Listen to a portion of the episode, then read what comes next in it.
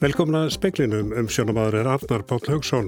Um næstu mánaðamót verða bæði útlendingar og íslendingar sem koma til landsins að greiða 15.000 krónu fyrir skímun velji þeirra að fara ekki í 14 daga sótkvím. Formaður samtaka ferðarþjónustunar hefur áhugir af því að skímunagjaldi verði til þess að þeir sem áttu bókaðar ferðir hætti við að koma til Íslands vegna þessa nýja gjalds sem mögulegt að afbóka án þess að greiða afbókunargjald.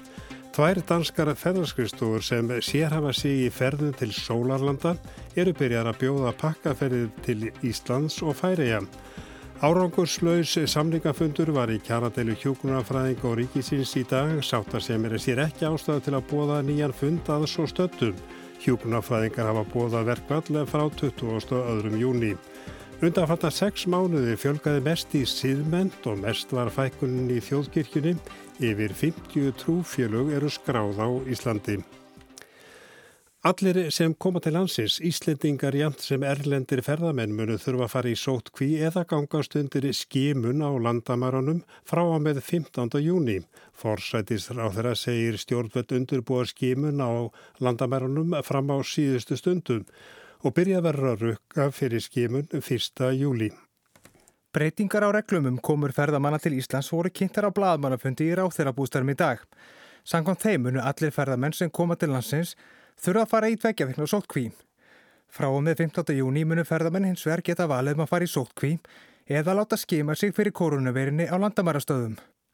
Auk þess munu ferðamenn þurfa að fylla út forskráningaform með helstu upplýsingum og hlaða niður smitrakningarappinu Þá er í skoðun hvort hægt sé að skilda ferðamenn til að vera með ákveðina sjúkratryggingu. Þórólur Guðnarsson, sótvarnalæknir, telur þetta bestu mögulegu leiðina til að lámarka smittættu en um leið koma efnagslífin í gang. Ég tel að þetta sé réttasta og besta leiðin til að koma okkur út úr COVID á þessum tíma. Framkantin verður í sífældri endurskoðun og sá möguleiki er fyrir hendi að skimunum frá einstakar löndum verði hægt ef einstakar verður sú að smitt frá þeim eru engin. Hugsanlega verður niðurstaðan svo að ferðamenn eru ekki með neitt smít og þá getur við hugsanlega dreyið verulega í land og jafnvel hægt. Ferðamenn þurfa að borga 15.000 krónur fyrir hverja skimun og munu allir, Íslendingar jafn sem erlendi ferðamenn þurfa að borga. Svo gjaldtaka byggir á raunkostnaði við skimununa, það er að segja hvað það kostar að taka síni, að greina síni og flytja síni. En hins vegar eins og líka við komið fram verður skimunin uh, að fólki að kostnaðarlausu fyrstu tvær vikunar segir Katrín Jakobsdóttir fósætisráð þeirra og bætir við að undirbúningurum minni standa fram á síðustu stundu. Þannig að við verðum væntanlega fram á síðustu mínútu og ljúka undirbúningi fyrir skimunina og ennþá uh, mörg úrlösnarefni framöndan.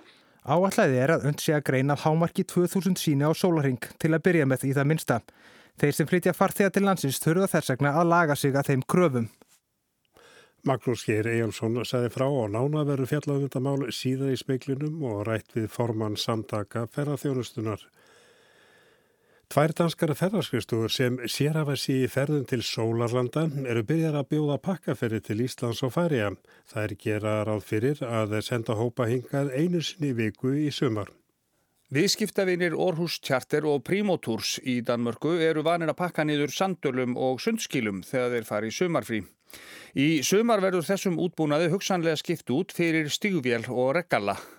Báðar ferðarskjöfstöðunar sem alla jafna senda viðskiptavinni sína söður á bógin bjóða nú pakkaferðir til Íslands og Færiða í ljósi þess að stjórnvöld ráða dönum frá því að ferðast til Sólarlanda í sumar. Ísland er eitt einungis þryggja landa sem ekki eru á lista danska utanrikiðsáðunnitisins yfir lönd sem fólki er áðuð frá að ferðast til í sumar og færiðar er jú hluti af konungsríkinu Danmörku.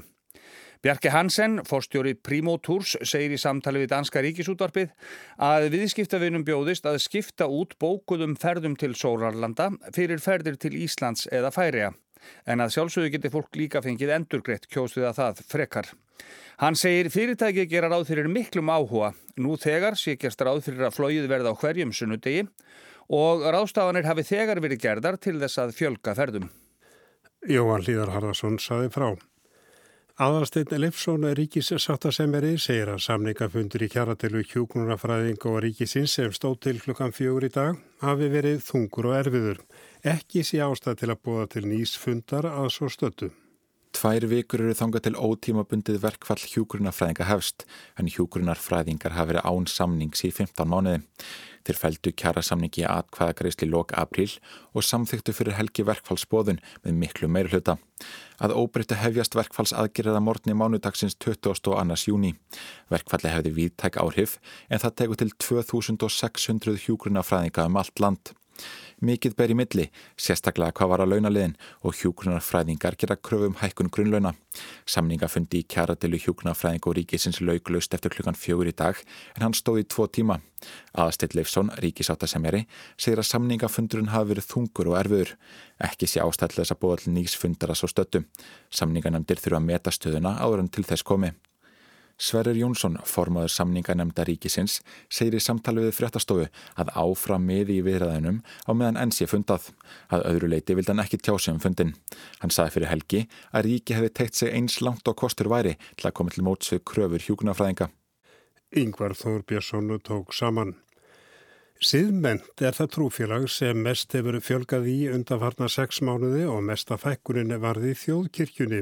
Um 50 landsmanna er ímest utan trúfélaga eða með óskilgreinda stöðu á þessu leiti. Hér á landi er yfir 50 skráð trúfélag. Þetta kemur fram í nýjum tölum frá Þjóðskrá Íslands um skráningar í trú- og lífskoðunarfélag á tímabilinu 1. desember í fyrra til 1. júni. Þar kemur fram að 230.682 hafi verið skráðir í þjóðkirkjuna 1. júni síðastliðin og hafi þeim þá fækkað um 472 á tímabilinu. Hún er langt stærsta trúfélagi með 62% landsmanna. Næst er katholska kirkjan með hátt í 15.000 meðlimi og þriðja stærsta trúfélagi er fríkirkjan í Reykjavík með rúmlega 10.000 meðlimi. Frá 1. desember hefur fjölgað um 225 í síðment Næst mesta fjölgunin var í ásatrúafélaginu en þar fjölgaðum 179. Af öðrum trúfélagun sem fjölgaði í eru fríkirkjan í Hafnafyrði og stopnun muslima á Íslandi. 7% landsmann eru utan trúfélaga og 14% eru skráði sem ótilgreint í tölum þjóðskrár. 54 trúfélagur eru skráð hér á landi, í 20 þeirra eru færri en 100 og í 6 trúfélagum eru 20 eða færri. Anna Lilja Þóristóttir sagði frá Bandarísk stjórnvöld hafa farið þess að leita Andris Prins að hann gefi skýslum tengsl síni við kynferðisbrótamannin Jeffrey Epstein. Sjálfur segist hann hafa bóðið fram aðstóð sína þrývegis á þessu ári. Bandaríska dómsmálaráðunitið hefur sendt Andresi, hertónum af Jórvík, formlega beðinni þessa efnis í tengslum við rannsókn þessa á Epstein. En Andres hefur sætt ámæli vegna vinskapar síns við hann. Prinsinn hefur áður sagt að hann hafi aldrei orðið vittni að einu mísjöfnu þegar hann hafi heimsótt Epstein en þeim vittnisspurði hefur í raun verið tekið fálega. Hann saði sig frá öllum ofinberjum skildum við bresku hyrðina í fyrra eftir umdelt sjómasviðtal í breska ríkisjómarpinu um vinskapin við Epstein. Fréttarítir BBC í málöfnum hyrðarinnar segir að lagateimi prinsins sé fremur ósátt yfir að þessar upplýsingar skuli hafa lekið til fjölmiðla. Fyrir stundu sendi það frá sér yfirlýsingu þess efnis að prinsinn hefði þrývegis á þessu ári bóðuð fram aðstóð sína í rannsóknin á Epstein. Þetta stangast á við fulleringar bandaríska dómsmálaráðunetisins sem segir að prinsinn hafi æfinlega svarað fyrir spurnum frá þeim með gravar þögn. Jeffrey Epstein fyrirfór sér í fangelsi í fyrirsumar í miðri rannsókn á umfangsmiklu kynferðisbrotamáli gegn ungum stúlkum þar sem hann er talin hafi verið höfuðpaur um langt árabil. Jóhann Líðar Harðarsson saði frá og aðeins um uh, sumarið þau tíðindur í dag að hiti fór í fyrsta sinni yfir 20 gráður þar sem að ver árim en hitin mæltist á 20,5 stigi áspyrki klukkan 14.20. Hæsti hiti sem áður hafði mælst á landinu í ár var slett 20 stig í skaftafelli á hátegi 3. júni og það er frekar í hlýjindi í vændum helst norðaustan til en á förstudag og lögardag gera spára fyrir að hiti nái þar alltaf 22 stígum.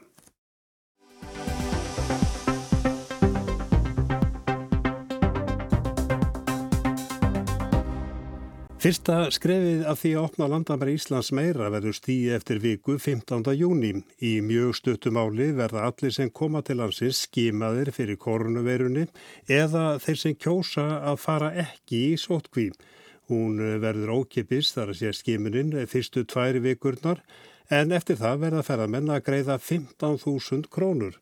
Landamær Íslands hafa reyndar verið opinn frá því að veiran byrjaði að herja hér en allir sem hafa komið og koma til landsins hafa þurft að fara í 14 daga sótkví. Forsættis er á þeirra emdi í dag til kynningafundar þar sem sótvarnalagnir, landlagnir og fulltrúi almannavarna gerðu grein fyrir því sem í vændum er. Megin tilgangurinn með því að bjóða upp á þennan valkost er auðvitað greiða fyrir för fólks til og frá landinu og gera það einfaldara. Saði Katri Jakobsdóttir forsættisráþara þegar hún fylgdi fundinum úr hlaði í dag. Þórólur Gunnarsson, sótvarnalagnir, sagði að nú undafarið hefði verið dreyið úr takmörkunum vegna faraldu sinns á þryggja vegna fresti. Gert var í ráð fyrir að fjöldi þeirra sem með að koma saman hækjur 200-500 15. júni. Nú varu tilslaganir vegna komu ferðamanna framöndan. Tilgangurinn með þeim takmörkunum sem að þar eru eins og fórsættisræður að kom inn á núna er að að opna landamærin á, á varfærin og hátt til að lámarka áhættin á því að, að veiran komi hér inn ellendis frá.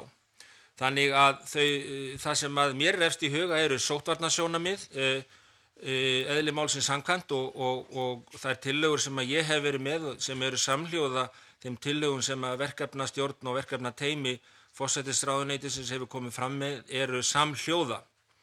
Þannig að tillögurnar Eh, tilhauðinni núna er, er verða þær að áfram uh, þurfa raun og veru allir sem að koma hinga til lands eftir 15. júni að fara í sótkví eða í afbríða sótkví eins og verið hefur, það er svo kalluðu sótkví B.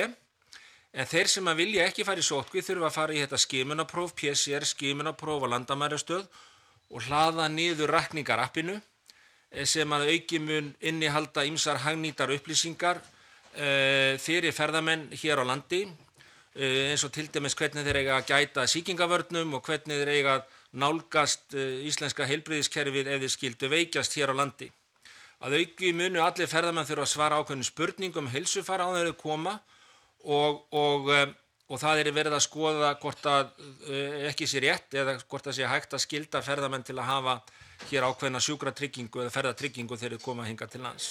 Hann upplýsti að fallið hefði verið frá því að ferðamenn sem hinga koma geti framvísað vottorði um að þeir hafi þegar fengi veikina. Rökin voru meðan annars þau að ekkert alþjóðlegt staðlað vottorð hafi verið gefið út. Þórólur sagði að ímsir hefðu gaggrind að skima þurfi alla við komuna. Hann bent á að þetta veri tilraunaverkefni sem erði leiðbenandi um framaldið. Nú þetta ferli verður í sífældri endurskoðun þannig að hægt verður að breyta áherslum skimunarinnar með vaksandi reynslu og vittnesku og það, hún fæst einungis með því að fara stað. Ef við gerum það ekki þá verður við alltaf í blindni með það hvort að ferðamenn eru raunverulega að koma hérna inn með veiruna eða ekki. Og það verður til dæmis sagt að skilgreina betur áhættusvæði, hvort að verður hægt að sleppa skimunum á farþegum sem koma frá ákveðinu löndum eða einbytta sér á öðrum löndum og svo framvegis. Þannig að þetta getur ráðið mjög, mjög gott tæki til þess að stýra okkur í framtíðin og, og hugsanlega verður niðurstaðan svo að, að ferðamenn eru ekki með neitt smít og þá getur við hugsanlega dreyið verulega í land og jafnvel hægt. Og það hefur líka verið tala verulega mikið um fjármunu sem að muni fara í þetta verkefni. Það er rétt að þetta er dýrt en ég vil undirstryka enn og aftur að þetta eru fjármunur E, e, þetta er fjárfesting til, til framtíðar sem að fara engum í, í uppbyggingu á síkla og veirufræði til landsbítalans og líka til íminsa uh, innviða á landamærastöðum sem munu nýtast okkur í framtíðinni þegar við erum að eiga við svona faraldra. Þannig að, að með þessum aðgerðum er raun og veru verið að gera allt sem hægt er til að lámarka áhættun á því að veiran komi aftur inn í Íslands samfélag en á Sama tíma erum við, er við að, að, að reyna að opna hér upp landamærin og, og hjálpa atvinnulífinu að fara að snúast uh, aftur. Ég tel að þetta sé réttasta og besta leiðin til að koma okkur út úr COVID á þessum tíma. Saði Þórálu Gunnarsson sóttvartanleiknir í dag. Þetta var brot úr upplýsingafundunum sem að eins og áður segir var haldin í dag. Og hinga til mín er komin Bjarniður Hallstóttir, formaður stjórnar samtaka ferðarþjónustunar. Verður velkomin. Takk fyrir. 15. Eh, júni, eh, já, eru þetta tímamót sem að samtök ferðarþjónustunar fagna ákaft? Já, það er ekki að segja annað. 15. júni, það var svo sem búið að gefa þetta út fyrir nokkru síðan og við glöttumst vissulega við það að sjá, sjá fram á það að það myndi eitthvað fara að gerast að þeir ekki algjör láteiða í ferðasumrinu 2020. En þið eru að, já, vitið eitthvað um, hafa verið mikil viðbröð og vitið þið, já, hvers er að venda? Nei, sko þetta hef, var náttúrulega þannig að það var tilkynnt um þessu opnun og, og þá var tilkynnt um að það erði annars vegar hægt að fara í skimun eða fara í tveggja veikna sótkví eða í þrýðarlegi að framvísa testi frá heimalandinu. Og þetta hefur verið svona sveimi í nokkra vikur og það hafa komið fram svona ímsar misvísandi upplýsingar í rauninni sem hafa svona gert þetta alltaf flóknara.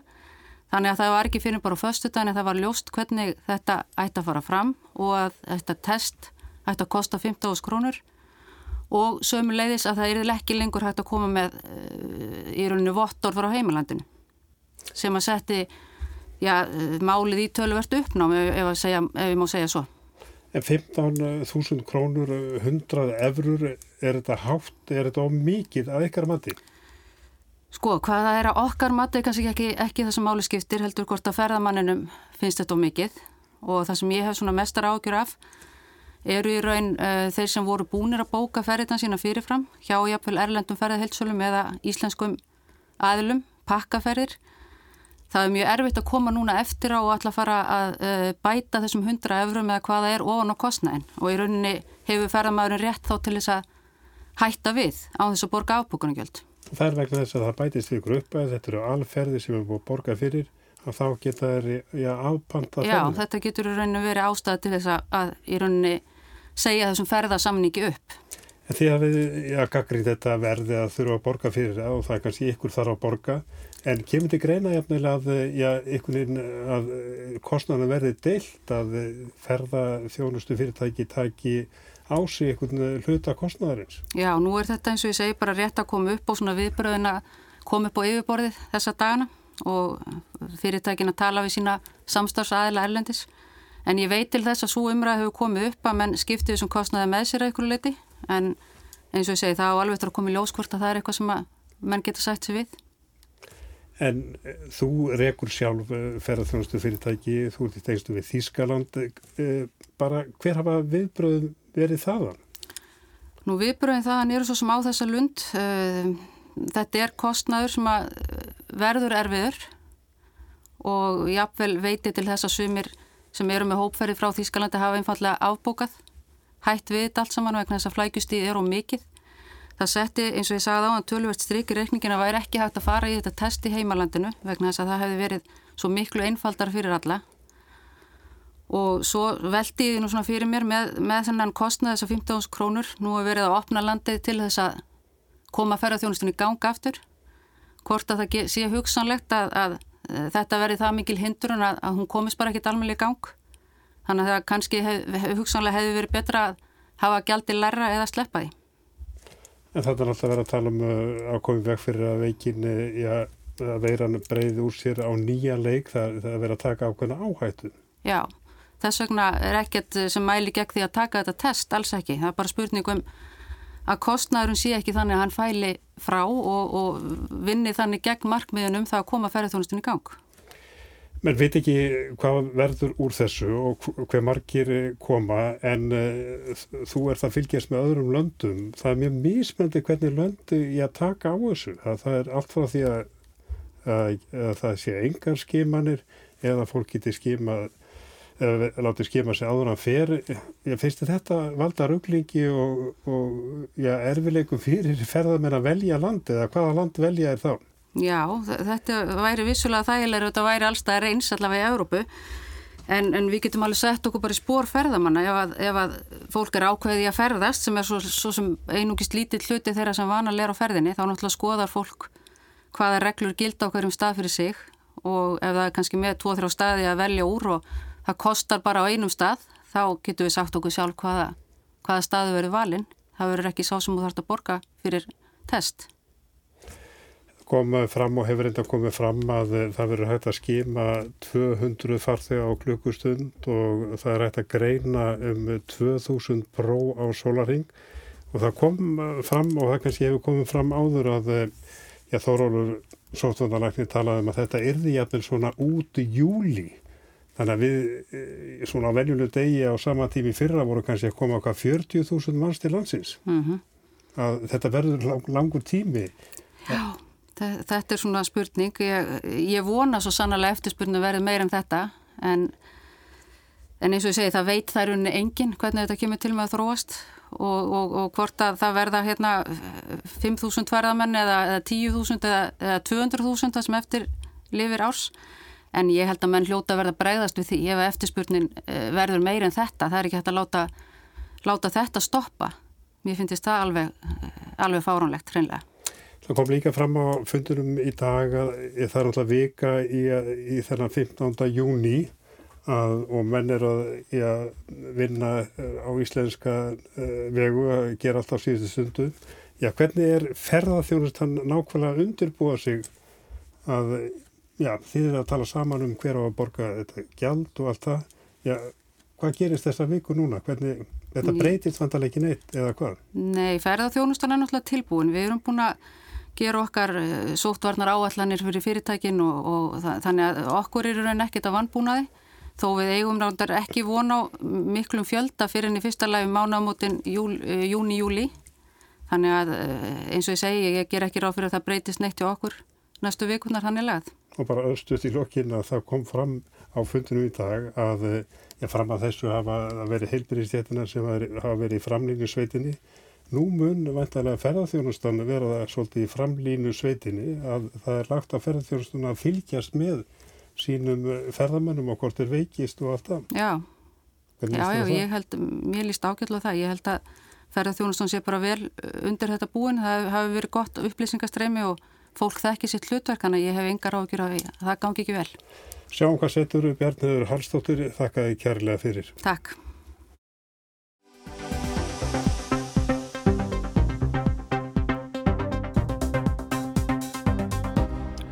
Tölurum COVID-19 smitt og döðsföll meðal heilbriðistarsfólks er eitt af því sem alþjóða heilbriðistofnunin telur brínt að kanna og draga lærdom af meðal annars til að draga úr smittættu og efla öryggi heilbriðistarsfólksins.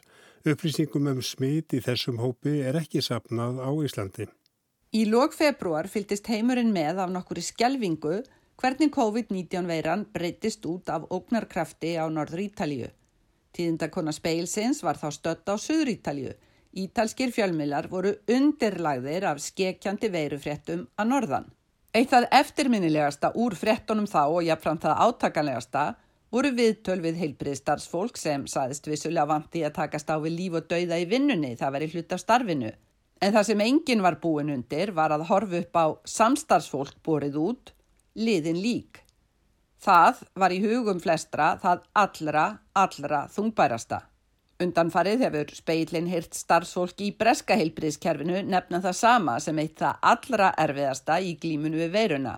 Þetta að sjá á eftir samstarfsfólki í gröfina hefur heilbriðstarfsfólk á vesturlöndum allar þekkt áður og tæplega hugleitt að það geti gerst í okkar heimsluta. Álag á heilbriðstarfsfólk í veiruvanni hefur verið ógnarlegt sama á elli og hjúgrunarheimilum. Annars vegar vinnu álægið við algjörlega framandi aðstæður hins vegar óttin að smita sjálfur og smita þá hugsalega sína eigin fjölskyldu af veiru sem svo margt er á huldu um. Hjá landlæknisembættinu fekk speilin upplýst að sótvarnarlæknir sapni ekki upplýsingum um dánartíðni heilbriðstarfsfólks af völdum COVID. Af fréttum að dæma hefur þó engin heilbriðstarfsmaður látist af COVID-veirunni á Íslandi. Það eru enn engar alþjóðlegar tölur um hversu margt heilbriði starfsfólk hefur látist í verufaraldrinum.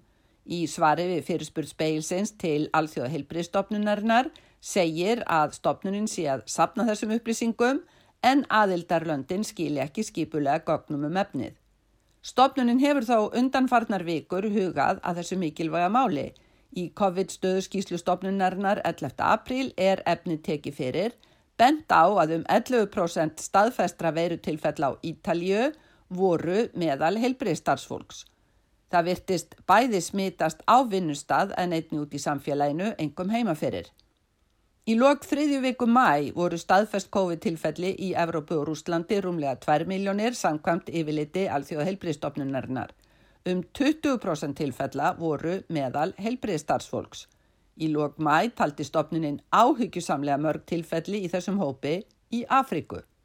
Sænska COVID-19 leiðin er umdelt nú líka í Svíþjóð, miklu linari bóð og bönðar en í nákvæmlandunum og dánartalan hlutvalslega mjög há. Sænska líðheilsustofnunin heldur utanum dánartölur. Speilin spurðist þar fyrir um döðsföll meðal sænskra heilbreyðstarfsmanna. Svari var að stopnunin hefði engar handbærartölur en voru ná skýslu um máli nú í vikunni. Nýjustu sænsku smittölur sína að helmingur nýra smitta er meðal starfsfólks heilbreyðstofnana og elli og hjógrunarheimila. Það hefur vakið aðtikli hvað miklu færri hafa veikst og látist af COVID-veirunni í Þýskalandi en í nákvæmlandunum. 7% af staðfestum COVID-tilfellum í Þýskalandi eru meðal heilbriðstarfsmanna. 20 þýskir heilbriðstarfsmenn hafa látist úr veirunni. Á Ítalju og í Breitlandi hefur framvindan verið öllu dapurlegri. Um miðjan mæ hafði 203 ítalskir heilbriðstarfsmenn dáið úr veirunni. Fyrir þremur mánuðum var Ítalija veiruvítið til varnaðar. Nú er Bretland í þeirri sorglegu stöðu og þessar tölur háar. Opumberar breskar tölur um COVID-19 meðal heilbrið starfsfólks hafa verið taldar of lágar, voru um 50 um miðjan mæð þegar ímsir miðlar töldu döðsföllin yfir 200. Á Nursing Notes, vefsíðu hjúgrunarsamtaka, er talið að í byrjun júni hafi alls 245 úr þessum hópi látist af völdum veirunar. Níl Ferguson er einn helsti farsóttar sérfræðingur breyta. Þegar hann satt nýlega fyrir svörum hjá heilbriðisnefn Breska Þingsins bentan á að einn veirulærdómurinn væri mikilvægi þess að hindra smitt á heilbriðstofnunum og elliheimilum. Reynslan síndi að smitt þar dreifðist svo greiðlega út í samfélagið. Skortur á örgisbúnaði eins og grímum og hlýðarbúnaði bæði á sjúkrahúsum og elli og hjúkranarheimilum hefur verið viðlöðandi vandi í Breitlandi frá upphafi veirufaraldursins. Örgisbúnaður sem til dæmis alþjóða heilbriðstofnunin segir líkilatriði til að vernda heilbriðstarfsfólk gegn veirusmiti. Skortur á örgisbúnaði skapar bæði óta og áhyggjur starfsfólks. Nýkonun Bresko læknasamtakana sínir að nú glýma rúmlega 40% lækna í Breitlandi við þunglindi, ángist eða aðra andlega kvilla tengta vinnunni. Sigrun Davístóttir saði frám og lítum aðeins til veðus. Sunnan 8 til 13 metrar á sekund og dáli til rigning en sumstar talsveð rigning suðaustan til. Snisti í hæga suðvestanátt með skúrum um landi sunnanvert í kvöld. Vestlæg eða breytileg áttið 3 til 8 og skúrir á morgun en þurft austan til og dálítili rigningu norðvestalands. Yfirleitt þurft annað kvöldi híti 8 til 13 stíg en 13 til 18 stíg á norðaustur og austurlandi að deginum. En við sögum meðlans frá því í speiklunum að næstu mánuðamót verða bæði útlendingar og íslendingar sem koma til landsins að greiða 15.000 krónur fyrir skímun velji þeirra að fara ekki 14 daga sótkvím. Formaður samtaka ferðarþjónustunar sem rætt var við hér áðan hefur áhyggjur af að skimunargjaldi verið til þess að þeir sem áttu bókaðar ferðir hætti við að koma til Íslands vegna þessa nýja gjald sem mögulegt að afbóka án þess að greiða afbókunargjald. Tvær danskar ferðarskristu sem sérhafðis í ferðum til Sólanda, svona venjulega, eru byrjar að bjóða pakkaferði til Íslands og Færiða. Áranguslaus samleikafundur var í kjaratelu hjókunarfræðing og ríkisins í dag, sáttar sem er sér ekki ástæði til að bóða nýjan fundað svo stöttum. Hjókunarfræðingar hafa bóða verkvall frá 22. júni og undanfarnar sex mánuðið að hálft áru fjölgaði mest í síðment og mest var fækkunni í þjóðkirkjunni. Yfir 50 trúfélug eru skráð á Íslandi. Og við minnum á sjómanfrettir sem er á sínum stað klukkan 7 og vefin okkar rú.is en það er ekki fleira í speiklunum í kvöld. Tæknumæður var Ragnar Gunnarsson, hriði sæl.